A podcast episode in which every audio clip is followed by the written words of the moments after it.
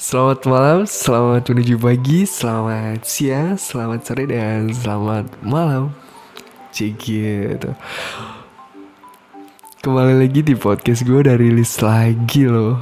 Yo, iya Udah lama banget gue gak bikin podcast Harusnya setiap seminggu sekali Gue harus ada podcast cuma karena gue lagi sibuk gitu kan So sibuk sebenarnya Keluar kota Jogja Terus pulang kampung Jogja pulang kampung Terus ke rumah orang tua. Jadi di cancel dulu. Dan sebelum nanti gue ke pembahasan Kalian udah nonton film gue belum? Yang short movie? Yang di di diajakin sama kreator Yuri kreator. Keren banget sih waktu yang salah kalian harus nonton.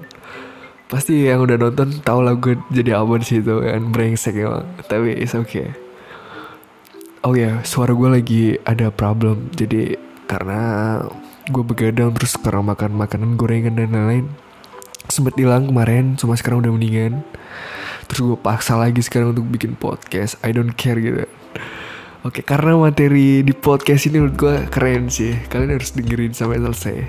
Dan di podcast ini gue gak bakal lama. Setelah mungkin ada 3 menit 4 menit. Setelah setelah gue menyampaikan habis itu gue beres. Langsung off habis itu gue tidur.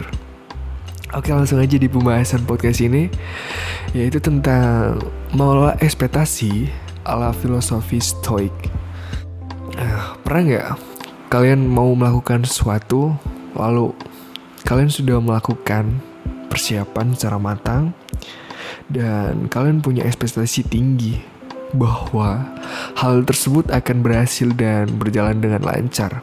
Tapi ternyata hal tersebut gagal total. Pernah gak? Gue pernah sih. Pasti kalian pernah dong. Gak mungkin gak gitu kan. Oke lanjut. Ekspektasi berbanding terbalik dengan realita. Ketika ekspektasi tinggi, tidak sesuai dengan kenyataan yang ada, sudah pasti kita akan merasakan emosi yang negatif kayak netting, entah itu sedih, kecewa, marah, atau lainnya.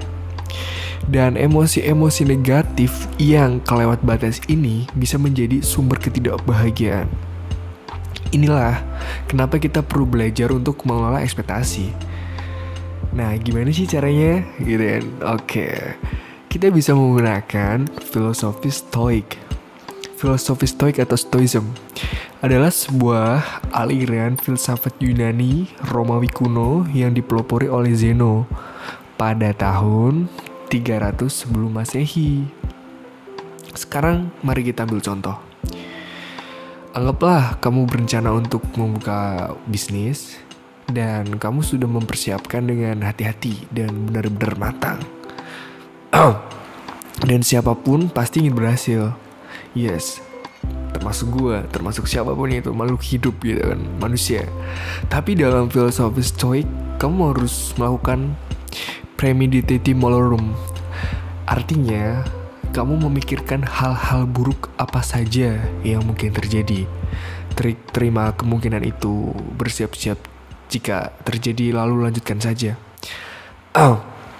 jadi kalau dalam kasus tadi, sekalipun kamu sudah mempersiapkan dengan matang, kamu tetap harus ingat bahwa selalu ada dua kemungkinan, yaitu berhasil dan gagal. Berarti bisa bikin pesimis dong. Menurutku enggak sih. Jadi gini. Pesimis itu adalah ketika kita hanya berfokus pada kemungkinan buruknya, yaitu gagal.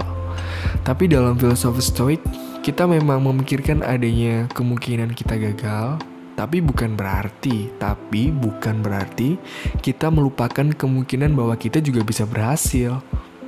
Jadi, pola pikir ini akan membantu kita untuk tetap mempunyai ekspektasi yang seimbang dan realistis. Terus ada pertanyaan, terus gimana kalau beneran gagal? Ya sudah, terima aja. Kok gitu sih gitu kan?